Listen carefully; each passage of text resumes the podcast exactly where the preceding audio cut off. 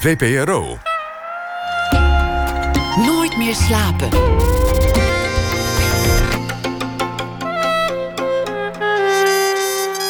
Met Liesbeth Staats. Goedenacht en welkom bij Nooit meer slapen. Ik schop en sla om me heen, zegt mijn gast Alfred Burney over zijn nieuwe boek. Er kwamen allerlei frustraties boven tijdens het schrijven en die staan er allemaal in. Dat nieuwe boek is in de wacht. Wachtend op een openhartoperatie trekt de hele ziekenhuiswereld aan de hoofdpersoon voorbij. En trakteert hij de lezer op zijn herinneringen en zijn grote ergernissen. Zijn haat tegen psychologen en psychiaters. Het gebrek aan mannen in het onderwijs. De macht van de farmaceutische industrie en de multiculturele samenleving, om er maar een paar te noemen. Het is een verhaal over isolatie dat goed in deze coronatijd past. Al is de isolatie van de ziekenzaal op de hartafdeling dan niet van hogerhand, maar door het eigen lijf opgelegd. Bernie kent die isolatie goed. Er is namelijk een grote overlap met zijn eigen ziektegeschiedenis. Hij kreeg een hartinfarct net na het plotselinge succes van zijn magnum opus De Tolk van Java waarmee hij in 2017 de Libris Literatuurprijs won. Het verhaal over zijn tyrannieke, getraumatiseerde vader. Welkom, Alfred. Dank je. Goed dat je er bent. Hallo. Zie je zelf eigenlijk parallellen tussen die coronatijd en de isolatie van zo'n ziekenhuisverblijf? Uh, even kijken. Uh, ja, het is anders. Hè? Als je in zo'n ziekenhuis ligt, dan, ja, dan, ja, dan zit je gewoon met, met andere mensen op één etage. Waar je als je dan eh, op de hartafdeling zit, dan heb je zo'n kastje om. Nou, dan mag je dan niet af.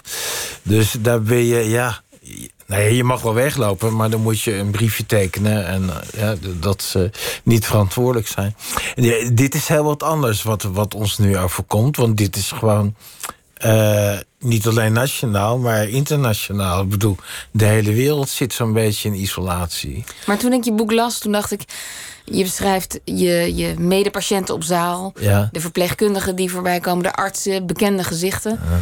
En toen dacht ik, ja, voor ons allemaal is de wereld wat kleiner geworden. Het is belangrijker wie je dagelijks ziet dan uh, normaal. daar ben ik wellicht uh, beter aan gewend dan andere mensen. Hoezo? Nou ja, ik ben in de eerste plaats natuurlijk schrijver. Dat is, dat is mijn beroep. En uh, ja, dat, dat doe je per definitie alleen. Je, je zit niet op een kantoor of uh, wat dan. Je moet alleen. Anders, anders gaat dat niet. En ja, als mensen thuis moeten werken, hè, veel mensen, ja, ik, ik, werk altijd thuis. Ik heb geen studio of, of, of, of atelier of zo. Dat, dat heb ik ook niet nodig. Ik heb er wel achteraan gezeten, maar als schrijver is dat een beetje moeilijk om zoiets te krijgen. Want ze zeggen altijd, dat kun je ook op zolder doen. En uh, dus ja, ik ben ook gewend om thuis te werken. Dus uh, die facetten, die, ja, die ken ik wel.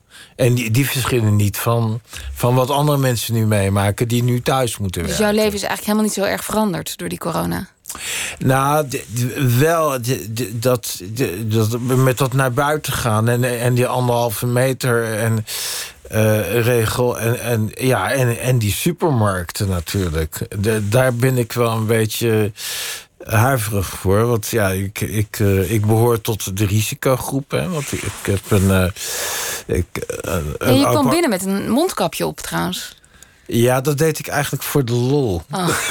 ik, ja, nou ja, ik, ik, ik ging met dat mondkapje de, de, de taxi in. En toen vroeg ik aan hem: Heb jij de airco aan? Hij zei ja. Ik zeg nee, zou je hem uit willen doen? Want dat is niet zo goed voor die. Uh... Nou, hij deed hem uit, maar hij had een glazen plaat, had hij. Tussen, tussen de bestuurder en ik zat achter.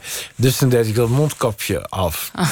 En toen ik hier bij jullie binnenkwam in de studio, dacht ik. Uh, ja, even kijken hoe ze reageren. Nou, het stond je goed. Het stond ja? je goed, ja. Maar ja, dat, dat was wel hinderlijk. Gelukkig heb je hem nu af, ja. ja, ja, ja. Um, nog even terug naar dat ziekenhuis. Ja. Um, is dat sowieso een goede locatie voor een boek, voor een roman? Ja. Waarom? Omdat de, uh, je, toen ik eraan begon, dacht ik: hé, hey, het speelt eigenlijk op één etage waar je niet af kan. Uh, en je hebt daar die gang, het einde van de gang en daar. En dan heb je die verschillende kamers en ziekenbedden. Dus, dus dat is één. Dus je hebt eenheid van plaats. Dus verplaatsingen die, die zijn niet nodig. Dus dat is één. Twee, ja, de hoofdpersoon ligt in bed. Nou, dat is ook wel handig. Dus eh, wat dan wel moeilijk wordt, is ja, er ligt aan het begin van het boek iemand in bed. En aan het eind van het boek zo'n beetje ook. En dat is dan de uitdaging. Want er gebeurt uh, fysiek eigenlijk weinig. Er is geen beweging en wat dan ook. En dat is de uitdaging voor een schrijver om, om daar ja, om, om dat op te vullen. En dat kun je natuurlijk uh, doen door gesprekken met verpleegend personeel of met medepatiënten. Maar dan ben je toch wel vrij snel uitgepraat. Dus je, je gaat vrij snel. Uh, ja, betreed je de wereld van de herinneringen en van de fantasieën en, en ga zo maar door. En dan krijg je in een quasi-monoloog interieur allerlei herinneringen enzovoort. En ja, daar kun je je dan op richten. En eh, ja, het is natuurlijk wel de kunst om dat zo aan elkaar te, te, te, te, te schrijven dat het een mhm. beetje leesbaar wordt. En uh, toen je daar lag, of nou, nee, laat ik zeggen, toen je ontslagen was uit het ziekenhuis, toen je zelf het hartinfarct kreeg, dacht je ook meteen, ja, hier zit een verhaal in? Nee, nee, helemaal niet. Nee. Ik heb, ik, heb, ik, ik heb ook drie, drie keer in een ziekenhuis gelegen. Jij hebt het over uh, die uh, hartingreep. Uh, in 2017. Aan, aan de eind van 2017, in, het jaar waarin ik die Liefdesprijs won. en, maar de, ik, mijn eerste hartinfarct kreeg ik, om precies te zeggen, in 2006. En uh, wat ik daarvan heb meegenomen is dat ik werd even half behandeld. Toen werd ik naar een ander ziekenhuis gebracht. En daar hebben ze me drie weken laten liggen wachten. Voor niks, want die cardioloog ging op vakantie. Dat heb ik wel beschreven. En dit boek heb ik eigenlijk gebaseerd op die periode. Want ik, uh, ik ben een schrijver van de herinnering. Dus mm. iets moet lang geleden gebeurd zijn. Ik kan nu niet schrijven over, dat, eh, dat Nee, niet over een paar jaar geleden dat ik werd geopereerd. Daar kan ik niet over schrijven. Het is niet lang genoeg geleden. Maar ik kan wel schrijven over toen, dat is 2006. Maar ik dacht, ja, dat is, toen ben ik een beetje gaan goochelen met die tijd. Ik dacht, ja, hij moet wel een beetje op leeftijd zijn. Laten we zeggen 60 jaar. En dat is mijn alter ego, uh, en een Noland. Nou, dat is dan 2011. En daar heb ik dan het boek gesitueerd. Ja. En, en je zegt, ja, iets moet al langer geleden zijn. Ja. Wat gebeurt er dan met die herinneringen... dat ze op een gegeven moment rijp zijn voor een boek? Ik, ja, dat, ik, ik ben zo'n schrijver. die, ik, schrijf uh, vrijwel per definitie uit, vanuit de herinnering.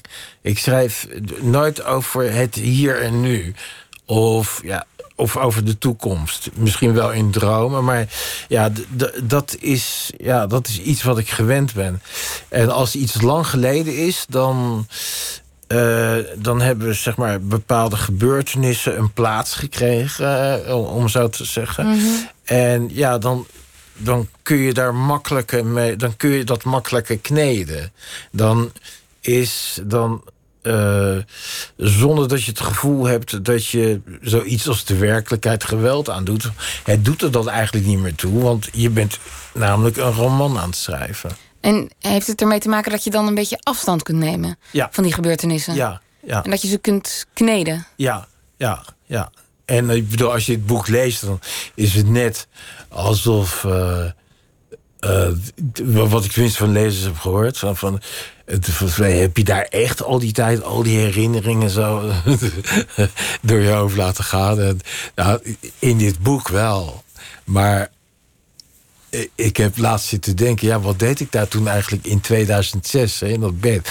Nou, ik lag me alleen te vervelen. En soms deed ik die televisie aan. Nou, in dit boek gaat die televisie helemaal nooit aan, of, of bijna nooit. En dus dat, dat is al verzonnen. En, maar ik kan me niet herinneren wat ik me toen herinnerde, om zo te zeggen. Dat heb je nu voor dit boek ingevuld. Ja. ja. ja. En het alter ego is uh, Ellen Noland. Ja. De familie Noland kennen we ook al uit de Talk van Java, waar je de Libris Literatuurprijs voor kreeg. Was er ooit al een plan om nog een keer met deze familie, want ook mhm. vader en moeder komen voor, mhm. uh, een boek te schrijven? Wist je dat al toen je de laatste bladzijde had geschreven van de Talk van Java? Nou, ik wist het eigenlijk al in, in 1991. Toen is Ellen Noland, uh, die heb ik toen verzonnen in mijn derde roman. Vals rond de vrouw is al een vergeten roman. En toen heb ik de familie Noland verzonnen. In 1991. Daar kreeg ik toen nog een prijs voor. Uh, ik heb die Noland, heb ik toen, uh, nou, heb ik maar, ik dacht, nou, daar doe ik niets meer mee. En een jaar of vier, vijf geleden, of nee, wanneer was dat? Toen ik aan de Tok voor Java begon, toen dacht ik, uh, ja, laat, ja, laat ik die Noordlands maar weer eens nemen uit 1991. Zo is het gegaan. En na de Talk voor Java was ik niet van plan want vroeger wel eens, komt er nog een vervolg. Uh, was ik nee, in het geheel niet van plan om, om terug te komen ja. bij Ellen Noland. Nee, daar had ik mijn komst van gehad. En hoe kwam hij weer op jouw schrijftafel? Nou, eerlijk gezegd, een beetje luiheid. ik dacht, ik dacht ja, uh, ik, ik wilde eigenlijk stoppen met schrijven. En dat zei ik tegen mijn redacteur. En die hing aan de lijn. En nee, je moet wel schrijven dit en dat. En, en wanneer was dat ongeveer? Uh, Toen je wilde stoppen? Twee jaar geleden of zo. En, of anderhalf jaar geleden. Dus niet zo lang geleden. En ik begon aan, aan een roman. En dan, het is dan zo, als je bij bladzijde 20 bent, dan weet je wel of het wat gaat worden of niet. Dus dat gooide ik weg. En dan nog een keer, mijn tweede roman. Dacht, dan gooide ik weer. Ook dat gooide ik weg. Want ik dacht, ja, ik heb niks meer te vertellen. Het is allemaal hetzelfde ik verval in herhaling. Maar ik werd in die tijd wel gekweld door nachtmerries en door, vooral door angsten aan de dood. Ik ga dood. En mijn hart doet het niet. En ik moet maar steeds maar weer terug naar die cardioloog met zijn medicijnen. En die operatie die is niet helemaal gelukt. En, enzovoort. En eh, ik, ik, eh, ja, dit wordt niks met mij. En ik, ik zat eigenlijk en ik had eigenlijk al door herinneringen aan, aan die ziekenhuizen. En ik dacht toen bij mezelf, ja, als ik dan een boek zou moeten schrijven, dan, dan moet dat zich afspelen, dat verhaal in een ziekenhuis. Ik dacht, nou ja, het is wel ordinair, want dan heb je weer zo'n ziekenhuisroman. Maar ik dacht, kom, ga ik, eens, ik ga eens beginnen. En op een gegeven moment was ik bij bladzijde 40, 50. Ik dacht, hé, hey, het gaat goed. En op een of andere manier zijn allemaal frustraties, alles wat me dwars zat van de laatste zoveel jaar, dus de laatste twintig jaar of zo. Ja, dat kwam allemaal mee. Dus het werd eigenlijk een, een afvoerput van. De, ik, ik denk, ik gooi alles erin. wat mij de afgelopen twintig jaar allemaal niet, niet heeft, heeft bevallen. Het is heel grappig, want uh, we zitten hier nu te praten en je glimlacht veel. Ja. En uh, je, je hebt er zin in. Tenminste, dat is mijn indruk. Terwijl de reeks aan frustraties en de woede die de, je alter ego in dit boek uh, over ons uitstort, die, die doen vermoeden dat er een hele andere stem is in jou. Hoe ja, zit dat? Maar je moet toch soms wel eens lachen, of niet? Zeker. Er, zit toch humor in? Er zit en zeker humor veel in. ironie. Ja. En Haagse humor. Het is een Haagse humor. Er zit ook sarcasme in. Woede, uh, die, ja, is dat zo? Nou, hij, ik vind, ik vind de, de hoofdpersoon boos op de wereld wel. Ja, hij is wel een bronpot. Ja, ja, dat is wel. Maar in hoeverre zijn dat jouw eigen frustraties? Ik bedoel, ik noemde het al even, maar hij maakt zich zorgen over de overbevolking op de wereld. Hij is boos uh, over de macht van de farmaceutische industrie. Ja. ja. Um, de multiculturele samenleving of de manier waarop wij daarmee omgaan. Ja. Uh, zijn, dat, zijn dat allemaal persoonlijke dat zijn, uh, die, thema's ja, voor jou? Ja, dat moet ik toe. Ja, dat zijn thema's die me echt bezighouden. En uh, eerst maar de overbevolking, zullen we dat eerst doen? Of, oh ja, laten we ze allemaal. Ja, de, allemaal heel die overbevolking is. ja, ik, ja, daar maakte ik me eigenlijk oprecht zorgen over. Want ik dacht, ja, wacht eens even. Het was de bedoeling dat uh, het noordelijke halfrond een beetje zou inleveren. En het zuidelijke halfrond, zeg maar Afrika, dat, die moest uit die armoede. Maar Afrika werd alleen maar armer. Dus, uh, en de, en goed, de wereldbevolking groeit en zo. En hij ligt daar dan, mijn alter ego. En hij denkt. Ik heb ooit eens gelezen in een artikel dat de aarde. Uh, prima bewoonbaar zou zijn als je als je er 1,3 miljard mensen laat wonen. Dan kunnen we allemaal biologisch dynamisch eten enzovoort. De luchten en de, de wateren worden niet verontreinigd. En met dat idee ligt hij daar in dat ziekenhuis te spelen.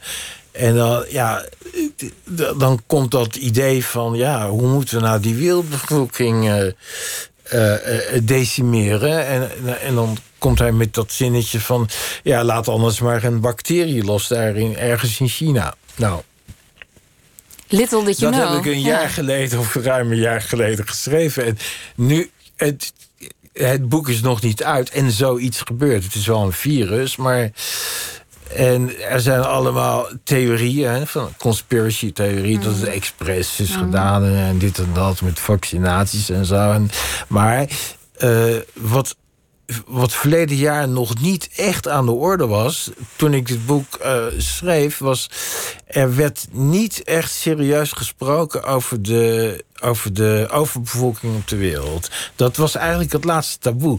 Dat, dat dacht ik. En dat is nu, in, in één jaar... dat is nu, met de uitbraak van, van dit virus... in één keer helemaal veranderd. En je krijgt nu ook hele harde commentaar, hè? bijvoorbeeld van een influential die schrijft van... Uh, ja, dat, dat doorhout, dat uh, doorhout noemden ze dat. Zelfs de discussie hier in Nederland. Ja, Marianne Zwagerman was dat. Ja, ja. De, ik, ik schrok daar erg van. Ik de dacht, nou, generatie. Ja. ja, ze zei eigenlijk, ja, we, we zijn eigenlijk bezig met mensen die zijn 80. Uh, die maken het beter, maar ja, die geven nog drie, vier, vijf jaar te leven. Dan gaan ze toch dood. Dus waar zijn we nou mee bezig? Dus dan kijk je naar Italië. Nou, die hebben echt een probleem. Mm -hmm. En die laten mensen ouder dan 70 niet toe op de IC. En verleden week, nog, nog voor deze versoepeling van, van Mark Rutte en co... Uh, gingen de stemmen op van... nou, laat die 50-plussers nou maar gewoon nog in lockdown zitten een tijdje. Dan gaan alle 50-minners gewoon vrolijk weer de straat op. En dan krijg je dus een... een, een, een, een ja, Selectiemechanisme. Ja, ja, ja. ja die, en dat... Ja, ja, ja, daar schrik ik dan van. Maar dat soort thema's... Ja. Dat houdt jou bezig? Ja, maar, maar ja. dat zie je ook. Je, je ziet hoe de mensen uh, hoe er over geschreven wordt en gedacht wordt.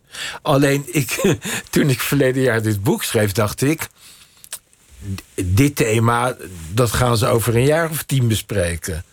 Maar, maar niet in 2020. Dat, niet nu op het moment zo dat snel. dit boek uit is. Nee. Nou, dat had ik nooit gedacht. Nee, zo snel. Nee. Je maakt ook in, um, in dit boek een, een... Of nee, je, je hoofdpersoon, Ja. Ellen Noland... die laat je zeggen, ja... Um, we zijn in Nederland of in onze samenlevingen kunnen wij niet normaal over rassenverschillen praten. Ja. Hij ligt in dat ziekenhuisbed, ziet de hele wereld in dat Haagse ziekenhuis aan hem voorbij trekken. Mhm. En um, nou, filosofeert in zijn hoofd enorm over de verschillen tussen Hindoestanen, uh, Indo's, Indonesiërs, um, Surinamers. Mhm. En, en ik vroeg me af toen ik dat las, wat, wat bedoel je met niet normaal over rassenverschillen praten? Uh, of hoe kun je er normaal over praten? Nou, Nederlanders die kunnen er nauwelijks normaal over praten. Want als je over rassen, rassenverschillen gaat praten... dan is het bijna direct racisme. Maar zo zit het niet.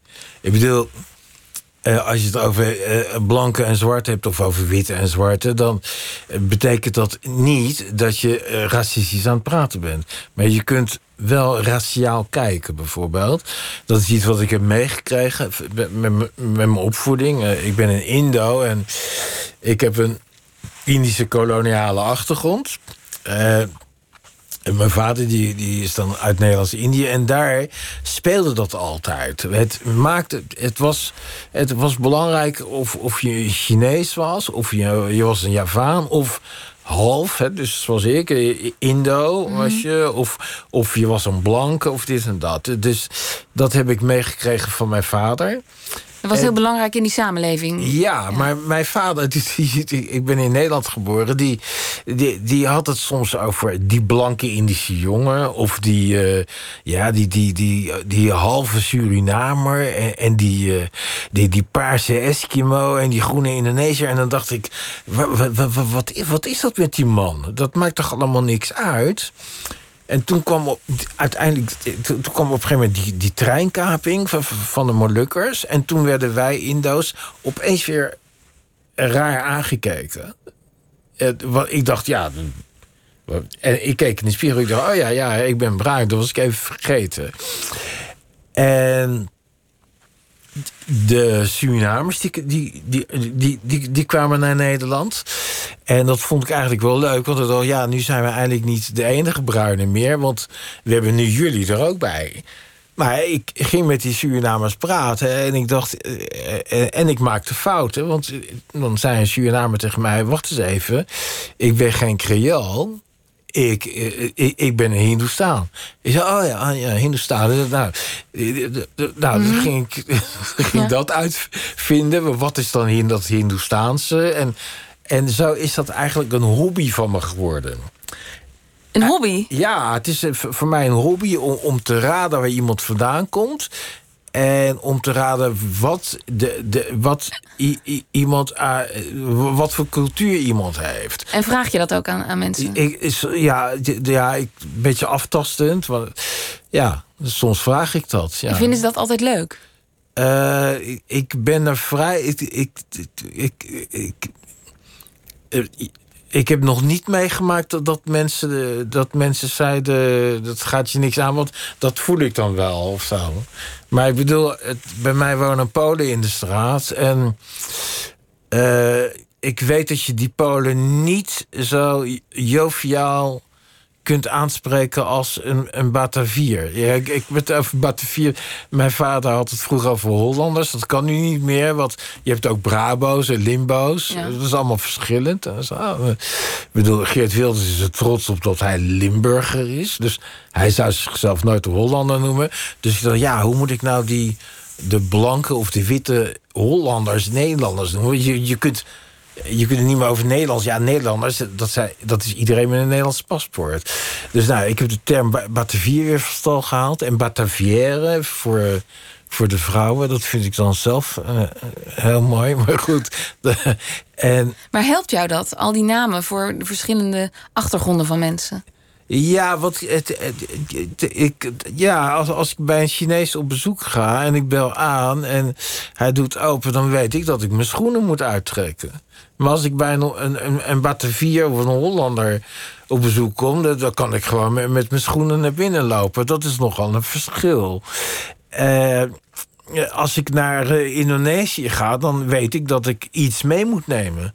Al is het maar een Hollands tafelkleedje. Dat, dat, zij, zij, dat is mhm. hun gebruik. Als zij naar Nederland komen en ze komen bijvoorbeeld bij mij logeren... dan nemen ze ook iets mee. Dat, dat, dat zijn gebruiken.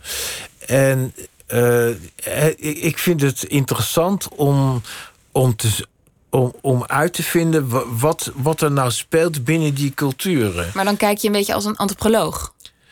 Ja, en maar Moet ik dat zo zien? ja, ik noem dat een beetje spot het etnisch profileren. Omdat uh, kijk, etnisch profileren daar, krijgt een negatieve connotatie, omdat de, bijvoorbeeld in Rotterdam, dan zeggen ze ja. De, de, de, meerderheid van dit en dat soort delicten wordt gepleegd door, door Marokkaanse jongens, mhm. bijvoorbeeld.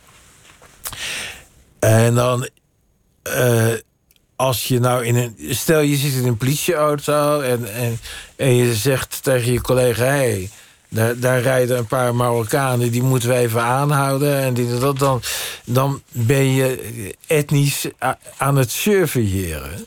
niet eens etnisch profileren. Maar je houdt, ik, ik, zie ook bij mij in de buurt dat er als er jongens op bronfietsen, op die snelle bronfietsen worden aangehouden, zijn bijna alleen maar Marokkanen. Mhm. maar wat, wil je daarmee zeggen? Is dat, een, is dat in jouw ogen dat etnisch profileren? Ja, ja, uh, ja. Je noemt, zegt ja, ik noem dat spottend etnisch profileren. Ja. Maar vind je dat wij daar te spastisch over doen dan? Ja, ja, ik, daar moeten Nederland, wij, wij in Nederland, wij moeten daar gewoon, gewoon heel open over zijn. Ja, ja, dat vind ik. Maar deze Ellen Noland, die in het ziekenhuisbed eh, ligt, die becommentarieert iedereen die aan zijn bed verschijnt. Ja. Maar die vult ook al heel veel dingen in voor mensen. Hele levens, fantaseert hij.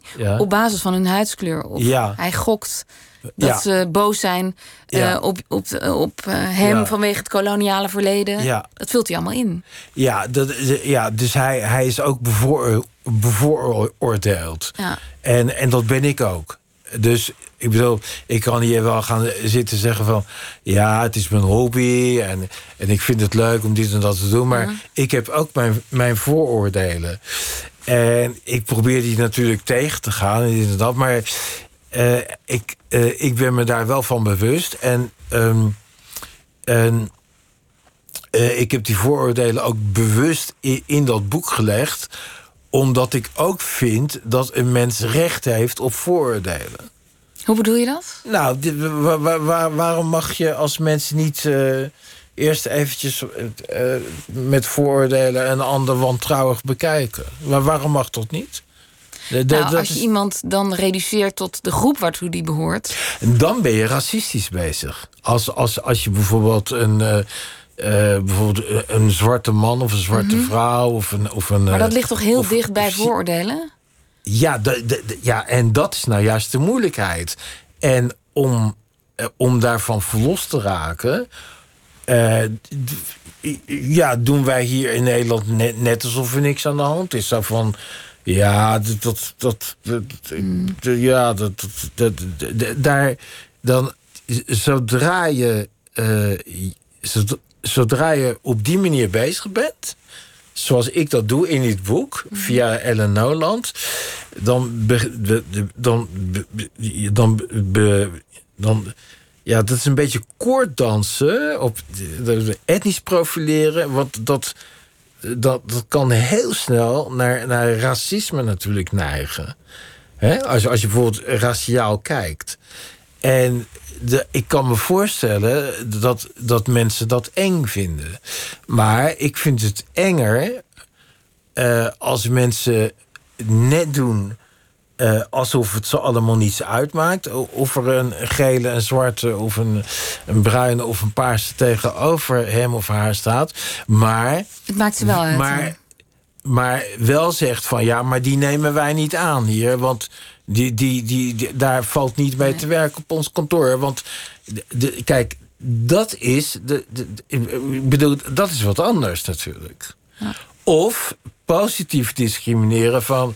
nou, laten we die Marokkaan maar nemen... want ja, die hebben het toch al zo moeilijk. En ja, maar die andere is beter. Ja, maar we moeten ook een Marokkaan op tv... want uh, we moeten wel laten zien dat, uh, dat het voor ons geen mm. probleem is. En dat is huigelarij... En die huigelarij, daar ben ik echt boos om. En die bestrijd Ook in het boek. Ja. En dat ik... En ik bedoel... Ik vind dat je ik heb liever dat iemand etnisch profilerend naar mij kijkt... dan huigelend gewoon met mij meepraat... maar denkt van, ja, maar jij, bent toch maar zo'n onbetrouwbare Indo. Weet je wel, dat, dat, dat, ja, daar kan ik niet tegen. En dat duurt, ja, dat duurt ook al heel lang eigenlijk. Ja. Het is één van de frustraties en één van de thema's. Eén van, ja, ja. Een ander thema is uh, ook in jouw leven heel belangrijk: uh, gitaarmuziek. Ja. Hij uh, is gitaarleraar. Dat ben jij ook geweest. Ben ik ook geweest. Hè? Hij memoreert daar al wachtend op zijn open hartoperatie al die leuke, vooral vrouwelijke leerlingen die hem frequenteerden. Ja. En heel graag Joni Mitchell wilde spelen. Daar gaan we even naar luisteren. Ah. We gaan luisteren naar het nummer I Had a King. En dat is van Joni Mitchell's eerste album, 1968. Ja. I Had a King.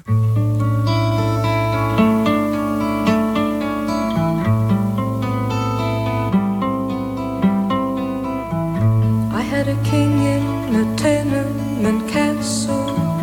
Lately he's taken to painting the pastel walls brown. He's taken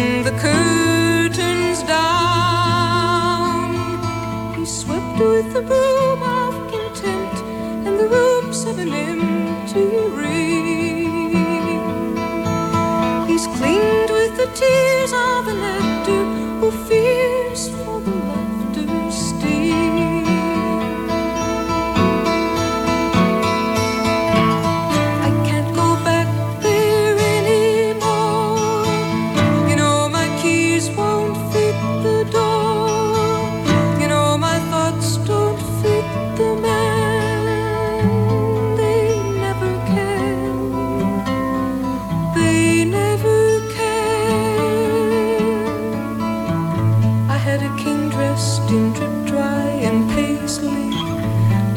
Taken to saying I'm crazy and blind. He lives in another time. Ladies in gingham still blush while he sings them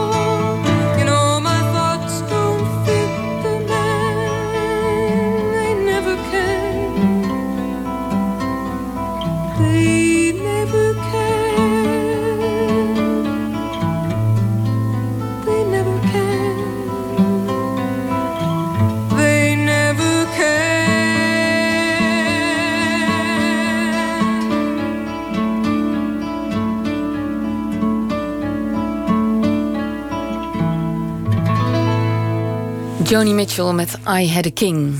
Wat maakt dit nummer zo mooi? Alfred Burney. Ja, dat is eh, in de eerste plaats voor mij eh, de manier waarop ze gitaar speelt. Ik kan me herinneren, in begin jaren 70 probeerden we haar na te spelen. Eh, we, hadden toen niet de beschikking over YouTube en, en, of, of, wat dan ook. We moesten steeds die naald van die eh gamma, eh, grammofoonplaten afhalen. En we begrepen niet wat voor akkoorden ze speelden. En pas veel later begrepen we dat zij haar gitaar anders stemde. Je kunt snaar gewoon anders stemmen. En dan was het al een heel gedoe om uit te vinden hoe ze haar gitaar dan anders had gestemd. En als je eenmaal die stemming wist, eh, ja, dan moest je nog naar die akkoorden gaan zoeken. Dus eh, ja, daar waren we dan ja, met een groepje van drie of zo, daar waren we weken mee bezig om uit te vinden eh, hoe ze dat nou eigenlijk allemaal speelden. En ja, daar, daar, ja daar, we hadden zo'n enorme bewondering voor haar. Dat ze die gitaar zo liet klinken alsof het ja, een klaversymbol soms is. En, eh, weet je wel? En, ja, en dan nog die poëzie.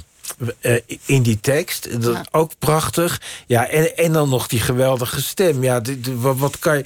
Ik bedoel, dit, ja, die, ja, die, ja, die deed dat in 1968. Die was toen echt uit de tijd echt heel, Heel erg, ver. heel erg ver, Ver vooruit. Ja, Ja, ja. En een inspiratie. Ja, echt geweldig. We praten over je boek In de Wacht. Eh, over een alter ego van je, Ellen Noland, die eh, ligt te wachten op zijn open hartoperatie. Toen ik het las, had ik ook een beetje met hem te doen. Snap je waarom? Hij maakte een beetje een eenzame indruk. Ja, ja. Hij wacht op zijn moeder, die Ja. maar niet komt. Ja, ja. Zijn moeder komt niet. Ja, ja. Hij is eigenlijk teleurgesteld dat zijn zoon hem niet vaker bezoekt. Ja dat speelt ook, ook mee. Ja, Ja. ja. ja, En eh, nou ja, toen jij het teruglas of toen je het schreef, ja. schreef je toen ook over een eenzame man. Ik, eh, ik- nee, nee, niet. nee, Ja, nee, nee, nee, nee, niet bewust. Niet van. Ik ga een eenzame man neerzetten. Nee. Vind je hem eenzaam of, of ervaar jij dat helemaal niet zo? Ik vind hem niet eenzaam. Nee, maar het kan zijn dat ik zelf zo eenzaam ben dat ik. eh, eh, ja, dat, dat ik er verder niet zo'n last van heb of zo. Maar. eh, er is één fragment in dit boek, dat is. Er zijn meer fragmenten in dit boek die op waarheid zijn berust.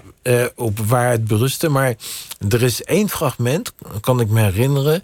En dat is echt gebeurd. Er, er was een dag. Ik lag drie weken in het ziekenhuis. Eh, waarop ik helemaal geen bezoek kreeg. En die dag heb ik beschreven in het boek. En Nederland krijgt helemaal geen bezoek. En toen heb ik me vreselijk verlaten gevoeld. En de, ja, dat is niet eens eenzaam, maar gewoon verlaten. Dus net alsof Trap je nie- als erger? niemand op de, op de wereld zich meer om jou bekommert. En dat gevoel heb ik wel eh, toen gekregen. En dat was niet erg aangenaam. Maar het bezoek neemt ook af. Eerst komen er nog gitaarleerlingen Ja. naast zijn bed zitten. ja, ja, neemt af. Ja, in, in werkelijkheid ook. Ja. Ja, ja. ja, gaat dat zo? Na drie weken Ja, dan... eh, ja hoe langer je je in een ziekenhuis ligt, hoe minder bezoek je krijgt. Ja. Ja. ja, dat hebben ook mensen die in de gevangenis zitten. Eh, die, eh, in het begin krijgen ze nog veel bezoek, dat wordt ook steeds minder. Vooral eh, mensen die levenslange gevangenisstraf krijgen. Dat is een heel ernstig probleem voor hun. Die, die worden op een gegeven moment helemaal. Die krijgen op een gegeven moment ook helemaal geen bezoek. Daar heb ik ook wel eens artikelen over gelezen. Ja, op een gegeven moment ho- hoor je er gewoon niet meer bij.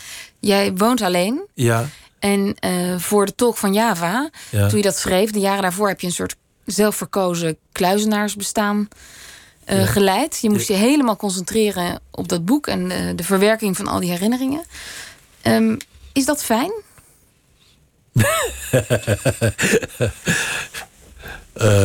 Nou ja, je, je bedoelt als kluisenaarschap of, of het dat- dat- schrijven? Nou ja, de combinatie dat je helemaal alleen met je werk bent. Nou, kijk, de, de, als je het over de Java hebt, dan heb je het over. Ik bedoel, ik had in, in de loop der tijd, dan heb ik het echt over 30 jaar, hè, allerlei gegevens verzameld en brieven en, en, en, en, interviews met mijn moeder. En, en ja, eh, ik dacht op een gegeven moment, ja, ik moet nu toch dat ene boek gaan schrijven, wat, wat ik altijd heb willen schrijven. Eh, dat is dan een keuze. En dan moet je natuurlijk een soort gekte over je hebben. Want, eh, want je, je moet gaan zitten en dan, dan moet je dat, dat enorme, dat vreselijke boek, dat is een heel hard boek eigenlijk, moet je dat gaan schrijven. En Het gaat over jouw eh ja. tyrannieke vader, die ja, zijn oorlogstrauma's. Ja. Ja, botvierder kunnen we wel zeggen. Binnen de muren van jullie gezin, jullie huis. Eh, het, was, het, was, het was geen prettig. eh, het was geen prettige tijd om, om, om dat boek te schrijven, omdat. eh, je moet weten, ah, je, je- kunt niet alles in een boek schrijven. Dat kan niet. Je moet een boek natuurlijk wel zo schrijven dat een lezer dat boek kan lezen. Dus, maar terwijl je dat boek schrijft, komen daar allerlei herinneringen naar boven. En lang niet alles kun je in dat boek eh, verwerken. wa- Want ja, an- anders kun je geen roman schrijven. En juist die herinneringen die eh, het boek niet halen... daar kun je enorm door geplaagd worden, zeg maar. En hoe en gebeurde dat ik bij denk, jou? Wat zeg je? Hoe gebeurde dat bij jou? Ja, nachtmerries, eh, angsten, slikken. eh, ja, ja. O- Om, om toch maar dat boek te kunnen schrijven. En ik ben eigenlijk. Ik ben er bijna zeker van dat ik. Ik heb toch vier jaar aan dat boek toen gewerkt. En dat ik. eh, Ja, dat ik mezelf wel de vernielingen heb geschreven. Want ik ging ook. Letterlijk. Ja, ik ging veel naar boven en naar het balkon om een sigaret te roken. En, eh, eh, ik bedoel, ja, als je dan dag in dag uit maar aan het boek bezig bent, dan. En je haalt alles maar overhoop. Je haalt die, die, die hele beer, beerput, die trek je open, dan. Ja, dat, dat kan je maar één keer doen. Ja, ja. Ik, Ja. ik denk dat, ik, eh, dat het niet, niet erg goed voor me is geweest v- voor mijn, voor mijn gezondheid eh, om dat boek te schrijven. Maar ja, ik moest het schrijven. En waarom? Ja, dat is idealisme. Ik, ik wilde een verhaal vertellen dat, dat gewoon heel Nederland moest weten. Over die vrijheidsstrijd van de Indonesiërs. Eh, wat, ja, eh, de- dat het eigenlijk on- dat verhaal ondergesneeuwd wordt hier in Nederland. En, en ga zo maar door. Maar bij jou was dat verhaal heel persoonlijk. Dat heeft je hele ja. leven bepaald. Ja, ja, Ja. ja. Ik las dat je, zei- eh, dat Ja. je ergens zei... ja, ik heb dit boek, dat- de Tolk van Java heeft Ja. het dan over... met mijn hart geschreven. ja. En daarom heeft mijn hart het begeven. Ja, In het Ik- jaar daarna. ik, ik vrees dat ik, ik, ja. Ja, is er, een, is er zo'n Nee. directe lijn, denk je, tussen dat hartinfarct en... eh, Eh, ongeveer een jaar geleden het, verscheen er een artikel in een, een of andere blad eh, waarin medici, eh, ik weet niet, ik daar in Amerika of zo, eh, als het ware bewezen dat een hart echt kan breken. En dan zag je een foto van een hart waardoor een breuklijn liep. Een hele fijne breuklijn. En dat was een hart van iemand die had zijn geliefde verloren. En dan denk je aan die songteksten natuurlijk. En My Broken Heart. En vooral Amerikaanse songteksten. Maar ook mijn vader die had het heel vaak over een gebroken hart. Misschien dat die beeldspraak ook in Indonesië... ik spreek helaas geen Indonesisch... eh, dat ook voorkomt. Maar die, die beeldspraak, eh, gebroken hart... bestaat al veel langer dan het bewijs dat een hart echt kan breken. Echt gewoon dat er echt een, een, een breuklijn kan ontstaan daardoor. En is dat bij jou gebeurd, denk je? Ja, ik, nou, ik, ik heb dan geen, geen, geen, geen breuklijnen. Eh, eh, Ja, ja. maar denk- voelde, voelde het als een, als een gebroken hart toen je dat boek schreef? Ja, nou, ik, ik was echt uitgeput toen ik het boek. eh, ik, eh, het boek kwam uit in 2016. En ik, ik lag heel veel op de bank. En ik was heel moe. Ik was alleen maar moe. En ik ging naar, naar de dokter. Ik zei, ik ben zo moe. En hij zei, ja, is stress. En uh, gas maar door. En, en eh, toen kreeg ik die, die prijs. En dan eh, ik kreeg een oppepper. En dan ga je op je adrenaline. En toen ben ik toch nog in elkaar gestort. En, ja, en nu, nu ik zo terugkijk, denk ik... eh, ja, ja, ik ben er zeker van dat ik mezelf de vernieling in heb geschreven. En ik ben er niet, niet van plan om dat weer te doen. En hoe gaat het nu met je in Goed. gezondheid? Ja, gaat, gaat vrij goed. Ja, ja. Want ze zeggen altijd een hartinfarct of een hartaanval is een van die eh, kwalen voor de mens Ja, die de meeste impact hebben op je leven. Als dat gebeurd is. ja, Dan de- sta je anders in het leven. ja deze, de- je hebt een leven voor een hartinfarct en na een hartinfarct. En wat ik niet heb beschreven is dan die, die hartoperatie die ik eh, een paar jaar geleden heb eh, ondergaan. Dat is wel eh, het allerergste wat, wat ik in mijn leven heb, meegemaakt. Dat- heb ik, kan ik de lezer alvast verklappen. Dat, dat, dat, dat beschrijf ik gewoon niet in het boek. Want dat kan je wel blijven schrijven. Maar dat heeft. Want wat gebeurt er dan met je? Nou, even heel technisch. Eh, je, je, je, je, wordt onder narcose gebracht. Vijf uur lang, in mijn geval. En daarna twaalf uur in coma gehouden. Maar... eh, ik bedoel, je, wordt de operatiekamer binnengereden. Dus stel je nog wat vragen. En ik maak een grapje en dit en dat. En opeens is het licht uit. Het is zwart. En een seconde later, voor mijn eh, ervaring, ja. staat er daar een, een arts. En ze zegt tegen mij. eh, ze maakt me wakker. Ze, ze zegt, meneer Bernie. En ik doe mijn ogen open. En ze zegt, gefeliciteerd, de operatie is geslaagd. Ik zeg, wat? Ze zegt, ja, gefeliciteerd, de operatie is geslaagd. Ik zeg, ja, waar ben ik? Ja, ik ben hier en daar. En ik zeg, hoe lang uh, ben ik weg geweest? Ja, 17 uur. En dat is wel heel raar. En dan, hè, dan ga je... En op een gegeven moment, daarna, wat, die operatie, dat, dat gaat dan nog wel. Of zo, maar dan kom je thuis en dan krijg je te maken met woedeaanvallen en met. Uh, uh, je, je wordt onmogelijk voor je vrienden en vriendinnen. Je wordt raar in de omgang. Hoe ging dat bij jou dan? Wat nou, dan ga ging ik opeens ruzie maken. Of, of ik uh, werd veel eisend. Of ik, ik, ik, ik, ik heb later uh, ja, gehoord van vrienden en vrienden dat ik gewoon heel vervelend werd. En, en uh, ik heb dat later aangekaart bij mijn cardioloog, ongeveer een half jaar geleden. Ik zei, moet je eens luisteren. Ik heb twee jaar lang last gehad van, van woedeaanvallen... en van dit en dat. En korte termijn geheugen. Uh, dat was helemaal niks. Uh, woorden zoeken, lange termijn geheugen ging wel. Ik zeg, is dat van die narcose of zo? Of is dat van die medicijnen die je mij geeft? En, en toen heeft hij mij gezegd... als jij wordt geopereerd, leggen we je hart stil... en we leggen je longen stil. En er wordt, je hart en je longen worden, die worden overgenomen, die functies, door een hart-longmachine. Zo noemen ze dat. En die hart-longmachine heeft een bepaald ritme. Dus jouw hersenen krijgen door een robot een bepaald ritme, een bepaald ritme zuurstof. Ja. En je hart ook. Maar dat ritme, dat correspondeert nooit met jou. Dat is een soort gemiddelde. Want, ieder mens heeft een ander ritme. En daardoor kunnen je hersenen gewoon een paar jaar van slag zijn. Als je, sterker, als je ouder bent dan 70 en je ondergaat een hartoperatie... bij sommige mensen treedt een volkomen karakterverandering uh, plaats. Kan je allemaal opzoeken op het internet.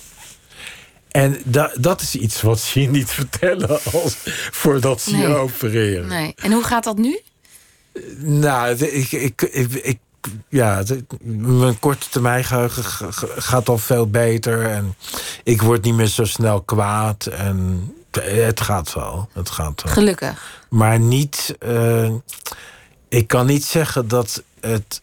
Uh, dat ik, ik. Ik weet dat ik nooit meer de oude zal worden, zeg maar. Dat niet. Dat, dat, dat weet elke hartpatiënt en zo. Maar ja, dat is niet zo erg. Ik bedoel, ja. Ik ben ook niet meer een van de jongste. En ik heb vrienden en vriendinnen along the way uh, verloren aan, aan die vreselijke ziekte, kanker. En, ja, dus je gaat die boel natuurlijk ook wel relativeren. Ja. Natuurlijk. In, uh, in De Wacht, je net verschenen boek, gaat het ook over je moeder. De, de hoofdpersoon ligt op haar te wachten en ze komt niet. Ja. Ook je vader, die we kenden uit uh, de ja. Talk van Java, komt nog voor in de gedachten en in de herinneringen van de hoofdpersoon. Um, je hebt ooit gezegd, jij, uh, Alfred Burney, dat toen je jong volwassen was, in de spiegel letterlijk hebt gekeken en gezegd hebt: Ik wil niet worden zoals mijn vader. Die, die cyclus van geweld, die moet nu stoppen bij mij. Dat wil ik niet doorgeven. Ja. Dat vond ik zo'n dappere, dappere uitspraak. Want het jezelf beloven is één ding, maar naar leven als je gewend bent in zo'n geweld. Het is bijna gelukt. Bijna gelukt. Ja, ik heb, ik heb wel eens een, een, vriendin, heb ik toch wel eens bij de strot gegrepen een keer. Uh, dat, dat, niet lang geleden, daar ben ik enorm van geschrokken. Uh, ik heb duizend keer mijn excuses aangeboden. Dus ze zei tegen mij: Ja, maar ik wist toch wel dat je me niks aan zou doen. Maar ik had weer zo'n woedeaanval. Dus dat, dat, dat, Na die operatie was ja, dat? Ja, dat vind ik echt vreselijk. En ik heb mijn zoontje was een jaar of 10, 12 of zo. En die gaf ik midden op straat een tik zo. Maar ik raakte hem per ongeluk ergens, waardoor hij geen lucht kreeg. En ik schrok. En mm. ik heb hem toen opgetild en hem getroost en naar huis gebracht. En honderd keer sorry gezegd. En uh, de, de, deze twee momenten, hè, dat ik dus één keer uh, eh, eh, mijn vriendin het bij, de, bij de keel greep omdat ik gek van haar werd. En één keer mijn zoontje sloeg, dat, die beschouw ik toch wel als een. Ja, als, ja, ik denk, ja, hier heb ik toch gefaald. Want ik, toen ik 12 was, 10, 11, 12, ik weet niet meer precies, ben ik inderdaad voor de spiegel gestaan. En heb ik mezelf beloofd, ik zal nooit een vrouw en een kind slaan.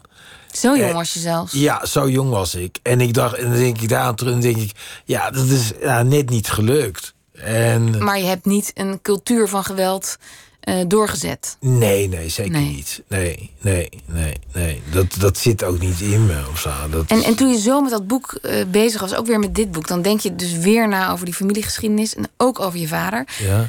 Los van dat geweld en eh, die agressie, lijk jij op hem? Mm, nee, ik zal wel bepaalde trekken, maar nee, ik, ik denk dat ik meer op mijn moeder lijk. De- je vader schreef ook, toch? Die, die m- tikte ja, mijn- zijn dagboek. eh, Ja, dat zal ik Zijn wel van- memoires. ja, dat zal ik wel van hem hebben. Maar Ja. eh, mijn, mijn broers en zussen zeggen altijd: jij lijkt op ma. Op je moeder. En, eh, en ik zeg wel, ja, jij lijkt op pa en jij enzovoort. En, nou, dat gedoe krijg je Ja. dan. En, eh, maar mijn vader was wel. Die was wel ernst, zeer, zeer zwaar getraumatiseerd. En, eh, maar goed, eh, door die oorlog natuurlijk, Ja. verschrikkelijke dingen. En, Ja. en mijn moeder, ja, volgens mijn zusje is ze autistisch, of was autistisch. En daar kwamen we pas achter een paar jaar voordat ze stierf. Ik zei, autistisch? Ja, dat zie- je toch wel. En, en, en, en toen, want mijn, mijn zusje en ik maakten ons altijd druk. eh, omdat onze moeder nooit direct reageerde op wat we zeiden. En, eh, en mijn jongste zusje heeft haar op een gegeven moment dat, dat etiket opgeplakt van ze is autistisch. En ehm, hielp dat jou haar begrijpen? nu, nu, nu, ja, maar, maar te laat natuurlijk. Dan is ze eenmaal overleden en dan. Ja, d- d- d- d- dat is de tragiek van het leven. Hè? Dan, je, je ouders die zijn er dan niet meer. En als ik nu aan mijn vader terugdenk en aan mijn moeder, dan ga je, je wordt zelf ouder, je gaat anders kijken en dan, ja, dan ga je wel allerlei dingen begrijpen, maar dan is het te laat. Je kunt ze niet meer omhelzen en zeggen, nou ja, ondanks alles hou ik toch wel van. je. Nee. Da- dat is de tragiek van het leven. Ja, daar is niks aan te doen. Maar goed, Ja. je, in de Tolk van Java leren we jouw vader kennen als een man die ook boos is op wat het universum, noem ik het maar even, hem heeft aangedaan. Hij voelt zich heel erg slachtoffer van de omstandigheden. En nou, toen ik eh, in de wacht las, als de patiënt zo ligt te voeteren ehm, en ook boos is, toen dacht ik: in hoeverre heb jij dat gevoel van hem geërfd of heb je dat meegekregen in je opvoeding?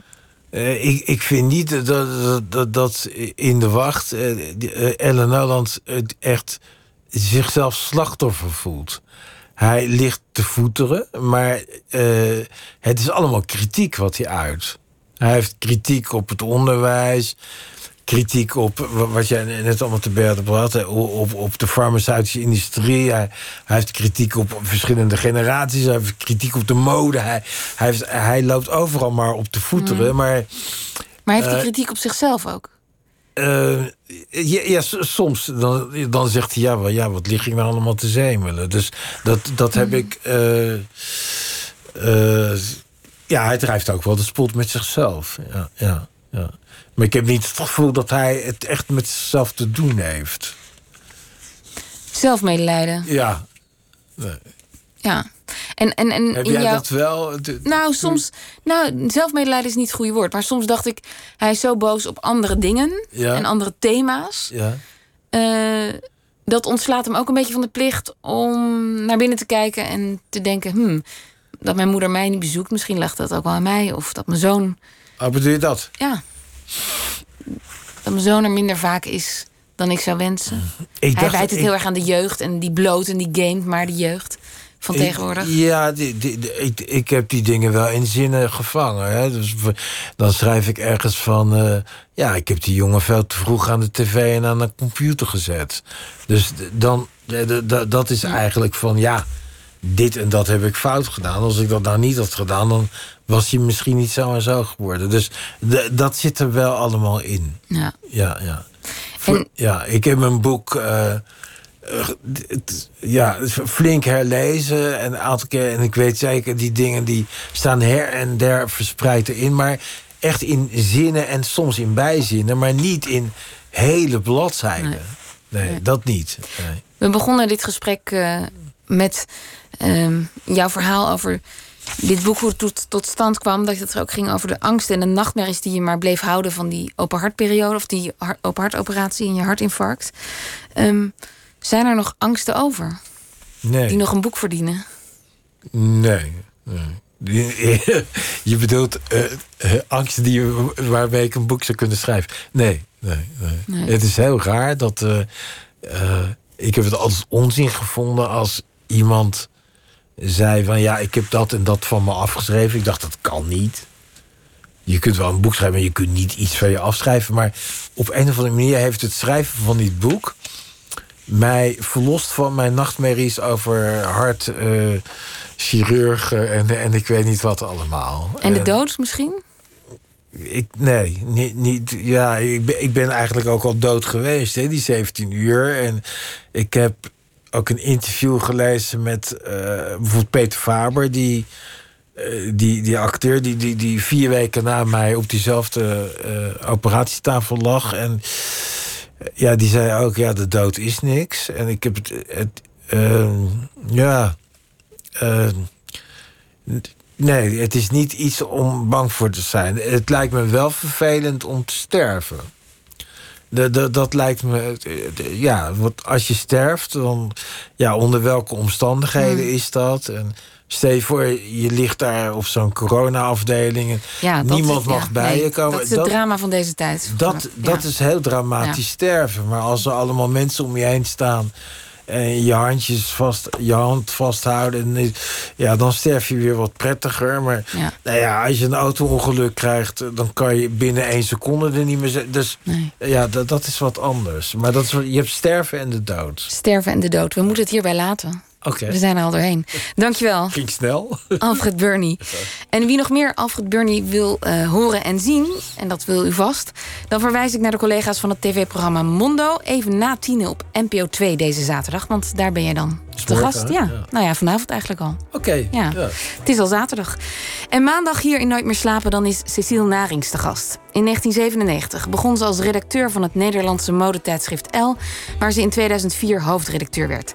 Tien jaar later stapte ze over naar Harper's Bazaar en in het najaar van 2018 besloot ze zich weer meer op het schrijven toe te leggen. Pieter van, voor de Volkskrant, daar schrijft ze nu. Pieter van der Wielen bespreekt met haar de invloed van het coronavirus op de mode-industrie. Dat maandag en ik wens u nog een heel goede nacht.